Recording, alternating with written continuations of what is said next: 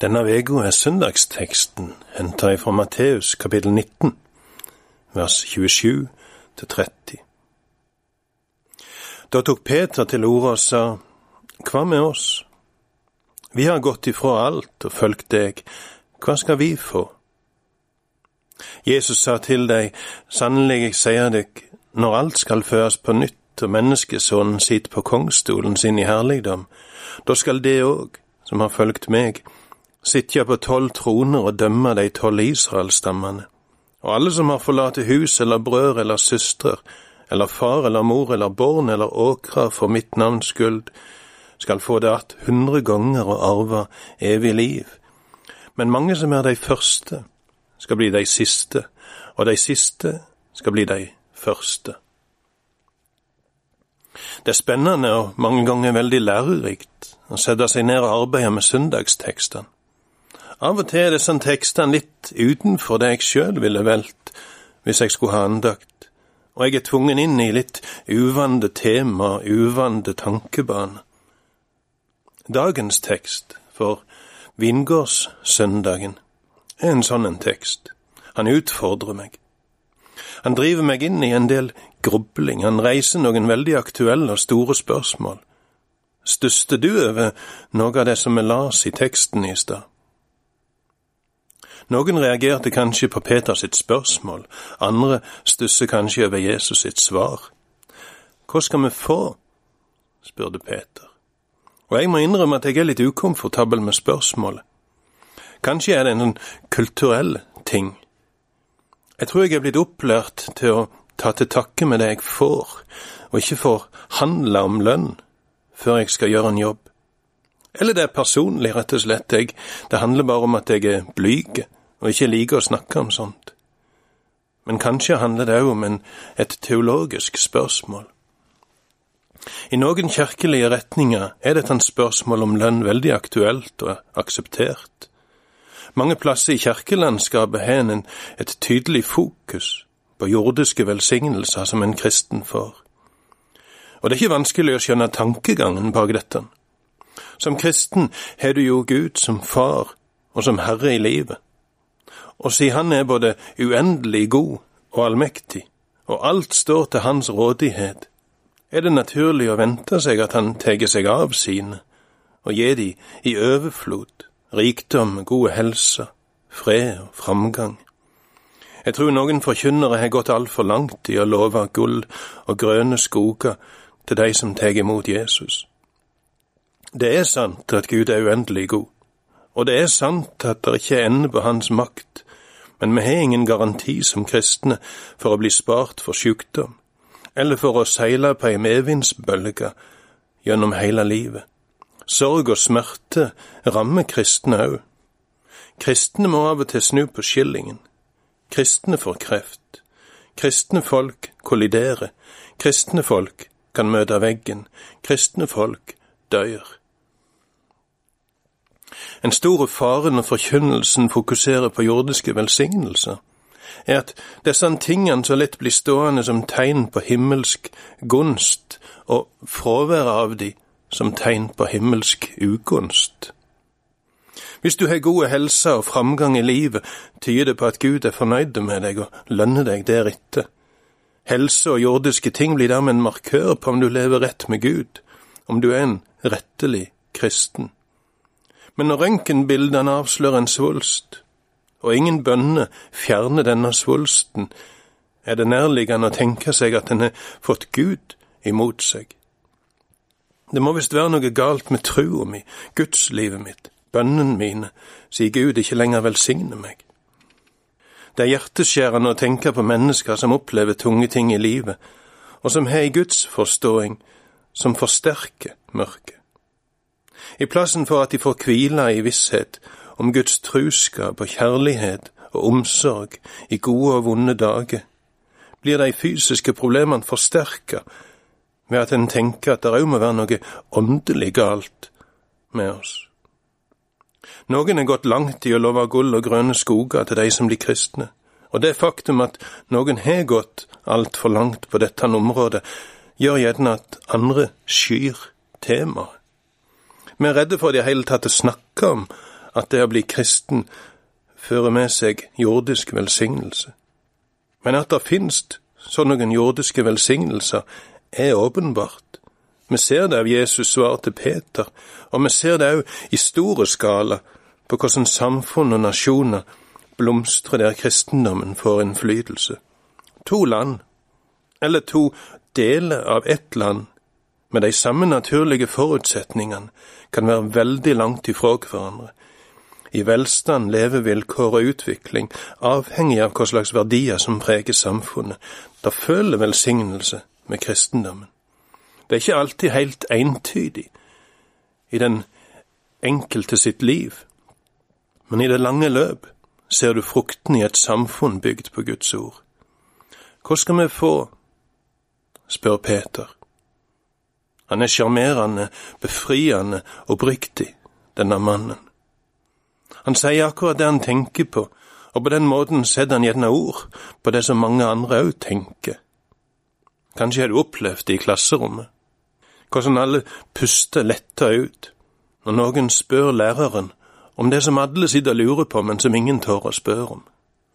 Peter var en sånn en. Spørsmålet hans kommer i kjølvannet av noe som står rett før. I fortellinga om den rike unge mannen som kom til Jesus med spørsmålet Hva skal jeg gjøre for å få evig liv? Jesus starter med å understreke viktigheten av budene.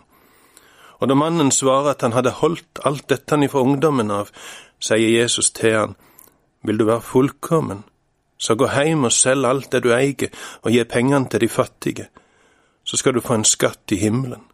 Kom så, følg meg. Det står at mannen gikk bedrøvet vekk, for han var svært rik. Det blei for vanskelig for han å skilje seg av med rikdommen sin. Du skal få en skatt i himmelen, hadde Jesus akkurat sagt til denne mannen, og Peter spør, naturlig nok egentlig, vi har forlatt alt og fulgt deg, hva skal vi få? Ja, hva skal vi få? Det er et kurant spørsmål. Det er et spørsmål vi kan være glade for at noen vågte å stille.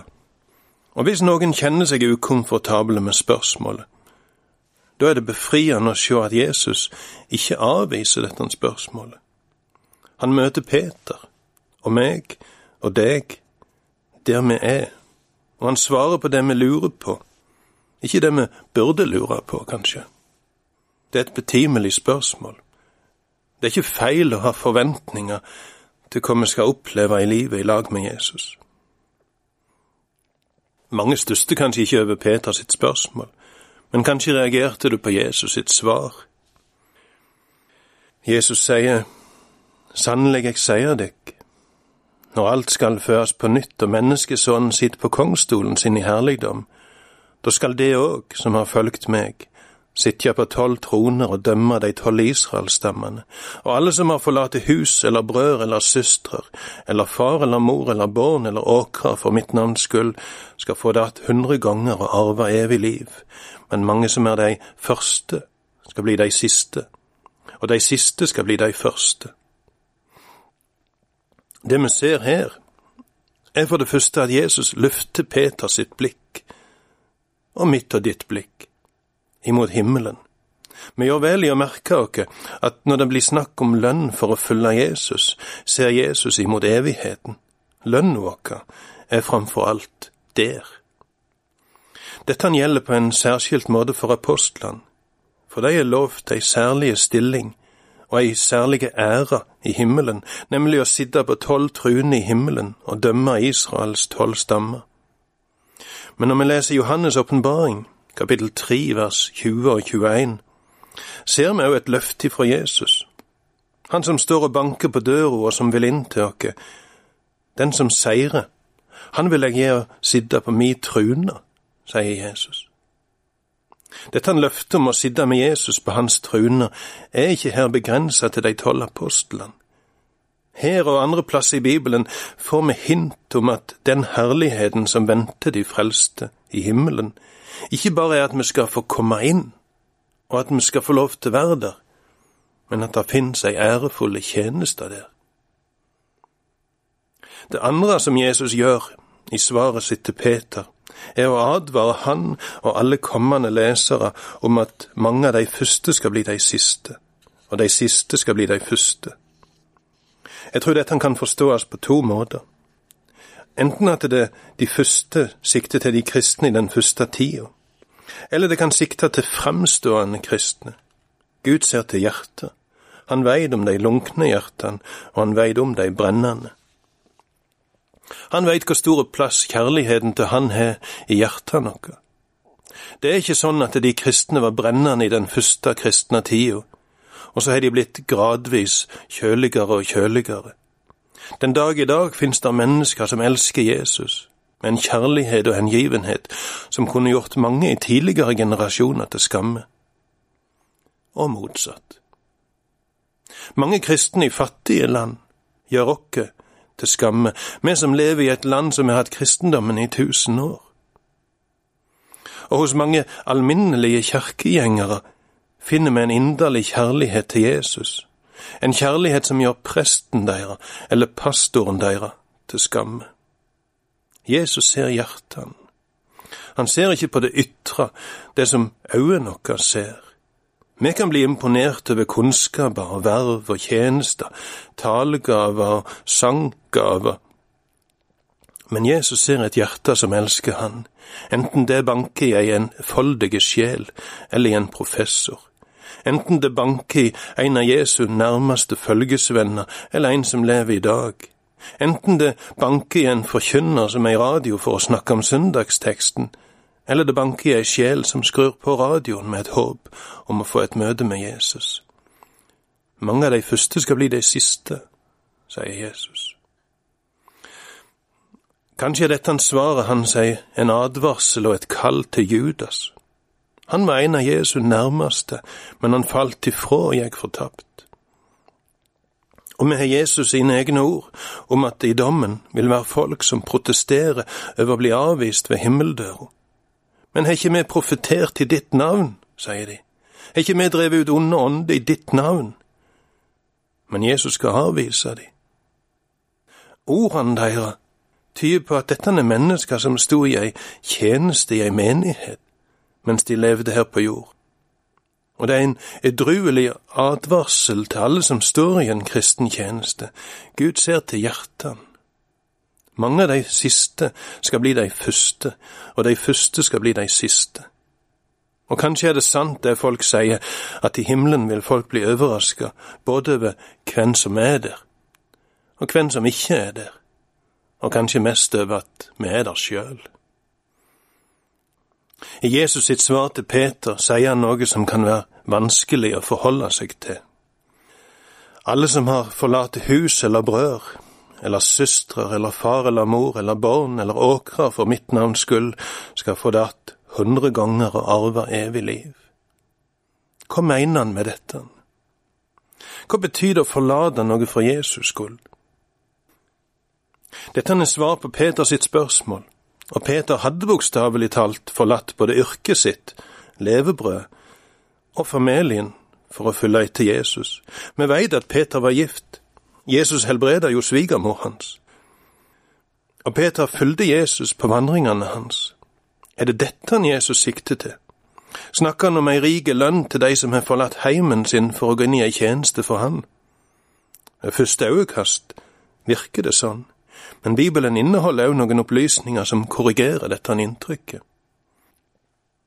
Vi hører ikke om andre av disiplene som var gifte, men vi veit at Peter var det, og vi veit at han forlot kona for å følge Jesus på vandringene hans.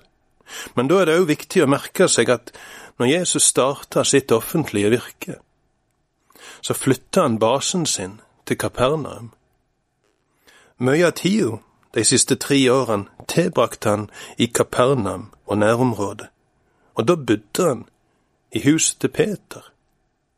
Det betyr altså at Peter hadde god anledning til å være mye hjemme hos kona si og antagelig òg til å fiske og på den måten ta ansvar for de som han hadde i husstanden sin. Og så har vi et ord ifra Paulus i første Korinterbrev 9, vers 5, som viser oss at når dette brevet ble skrevet, var det ikke bare Peter, men òg de andre apostlene og Jesus sine brødre som var gifte. Og dette verset gir inntrykk av at disse tok familiene sine med seg når de reiste til andre områder for å virke der. Mange mennesker bærer på sår og sorg over en fraværende far som var mye vekke hjemmefra, i tjeneste for misjonen. Eller ungene blei sendt på internatskoler ifra de var ganske små. Vi trenger å erkjenne de sårene som dette han førte til. Det er hjerteskjærende å høre om en far som var så lenge vekke fra ungene sine at ungene ikke kjente far sin igjen når han endelig kom hjem. Det er hjerteskjærende å høre om sår som misjonærbarn fikk når de blei sendt på internat, vekk ifra far og mor. Og sjøl her i Norge har det vært vansker. Jeg minnes smerten i ansiktet til en forkynner som fortalte om kona som opplevde en spontan abort. Og jeg fikk inntrykk av at det var ganske langt ut i svangerskapet òg. Og han var på møtevege og hadde ikke anledning til å komme hjem. Hun måtte lie seg gjennom denne opplevelsen aleine. Da kan det være både provoserende og vanskelig å snakke om den lønna som Jesus lover til de som har forlatt hus og heim og familie for hans skyld. Men la oss huske hvordan Jesus la til rette for at Peter kunne få være heime og til å ta seg av kona si og svigermor si. Og la oss huske Paulus sine ord som viser at apostlene ikke forlot konen sine når de reiste som misjonærer. Sårene som vi har ifra hver en misjonshistorie, handler dels om den tida folk levde i. Det var mange tilsvarende eksempler på mannfolk som var lenge vekke, sjømenn og fiskere, menn som reiste til Amerika for å tjene penger, og noen plasser i verden er det ennå sånn. Dels handler det om at krig gjorde vanlige reiser umulige. Dels handler dette om at folk ikke forsto alvoret og regna med at ting ville gå seg til. Like fullt, en del av det som skjedde, var veldig skadelig. Det er tungt når far må reise og være lenge vekke, men når det er misjonen som sender han av sted, kan lett dette føre ungene i opposisjon til Gud. På midten av 90-tallet gikk jeg på misjonsskole i Oslo. Og da husker jeg at det var en som sa noe veldig viktig om prioriteringer. Ordene hans brente seg fast, og jeg tror de sier noe veldig sant. Gud har første prioritet. Familien har andre prioritet. Tjenesten for Gud har tredje prioritet. Jeg tror det har skjedd mye vondt med at mennesker ikke skjelner mellom mitt forhold til Gud og min tjeneste for Gud. Og så er tjenesten blitt viktigere enn familien. Men det er lett for meg å synse om valg som jeg ikke har vært nødt til å ta sjøl. Vi skal uansett være varsomme med å ta Jesus sitt svar til Peter som et budskap om at Gud lønner de som i tjenesten for Han forlater ektefelle og unger. I noen tilfeller kan en sånn atskillelse for ei tid være nødvendig, og da må det være noe som ektefellene er forlikt om, og som i minst mulig grad går utover ungene. Når Jesus snakker om lønna, som skal gis til de som har forlatt familien for hans skyld, tenker jeg derfor at det ikke handler om fraværende fedre som er opptatt i tjeneste for Gud.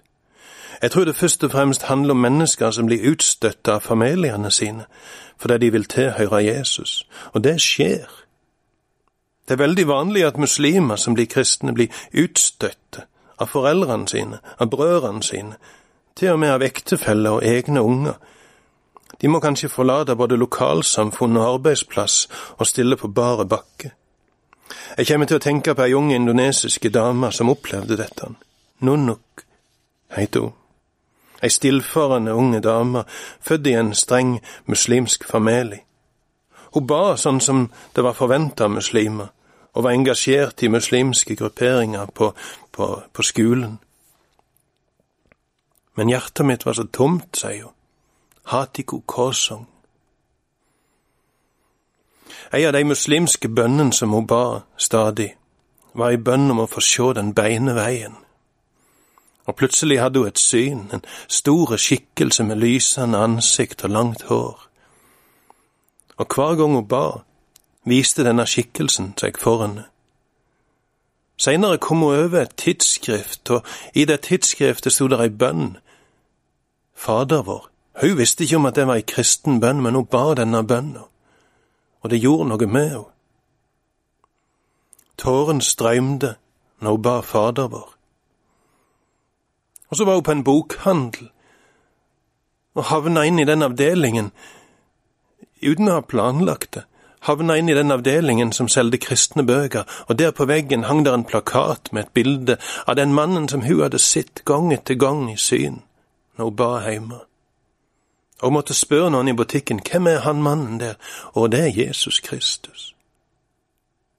Og så sto hun der framfor denne plakaten og spurte inni seg, er du han som har vist deg for meg, igjen og igjen? Interessen hennes for å finne ut mer om Jesus førte til konflikt med familien, og de ga henne et ultimatum, du må slutte å bry deg om Jesus, eller så må du reise herifra. Og hun reiste. Hun sto på bar bakke. Uten familie, uten venner. Ingenting hadde hun. Men Gud tok seg av henne og ledet henne til kristne som hjalp henne, og som viste henne lenger inn i den kristne trua. Og så deler hun vitnesbyrdet sitt på internett, på indonesisk. En halve time, forteller hun, og det er sitt av flere hundre tusen. Mange mennesker opplever det samme, utstøtte for Jesus skyld fengsla for Jesus skyld. Og jeg tror dagens tekst har ei særskilt trøyst og et særskilt løfte til disse. Jesus går videre til å fortelle lignelsen om arbeideren i vingården. Det er en av tekstene for dagen, og det passer til at denne søndagen er vingårdssøndag. I denne lignelsen får alle arbeiderne en denar hver. Eieren av vingården har gått til markedet for å finne arbeidere som kan arbeide i vingården hans. Og han går der i flere omganger og hanker inn folk, tar de med seg hjem og setter de i arbeid. Siste gangen han kommer, så er det ennå folk som står og venter på å bli sysselsatt. Og han tar de med seg, selv om de bare får arbeid én time før arbeidsdagen er slutt. Og når lønna skal deles ut, så får alle en denar, uavhengig av hvor lenge de har arbeidet. Han begynner med de som bare har arbeidet i en time. Og når han kommer til de som har arbeidet hele dagen, så blir de fornærma og forventer at de skulle få mer. Men alle får en denar. Vi har hørt denne historien, og vi tenker at en denar var ei vanlig dagslønn. Men eh, jeg måtte slå det opp, og jeg fant ut at en denar er ei veldig god dagslønn, faktisk. Det var ei vanlig dagslønn kanskje for soldater i bystrøk. Men i et landsbystrøk med låge levekostnad var en denar ei god dagslønn. En, en familiefar med ansvar for fire mennesker, han trong å tjene en kvart denar om dagen for at ikke familien skulle svelte. Og her får de én denar. Det er ei rause lønn. Og eieren av vingården gir den samme lønna til alle. Og det handler ikke om fortjeneste, men det handler om behov.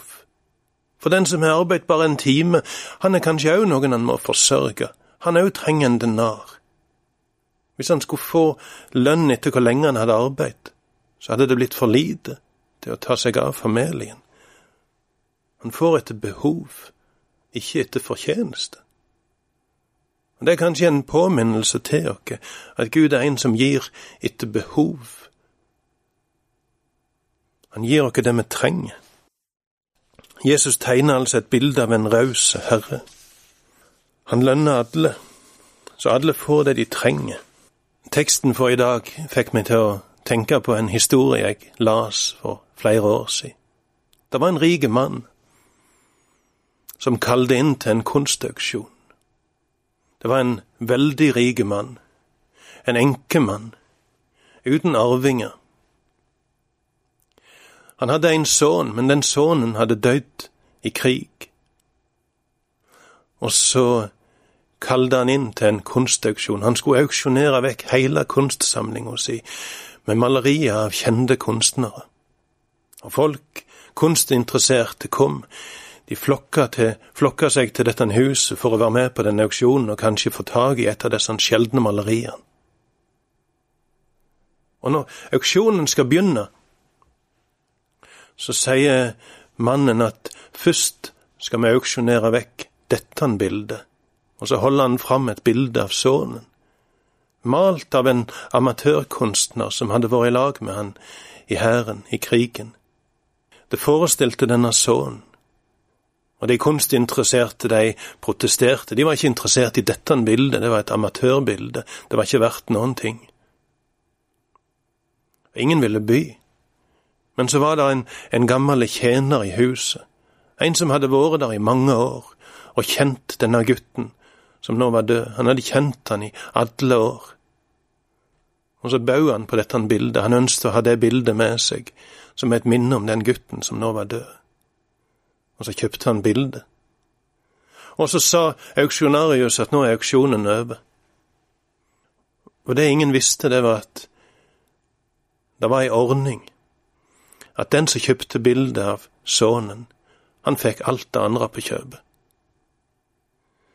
Og så måtte folk bare gå heim.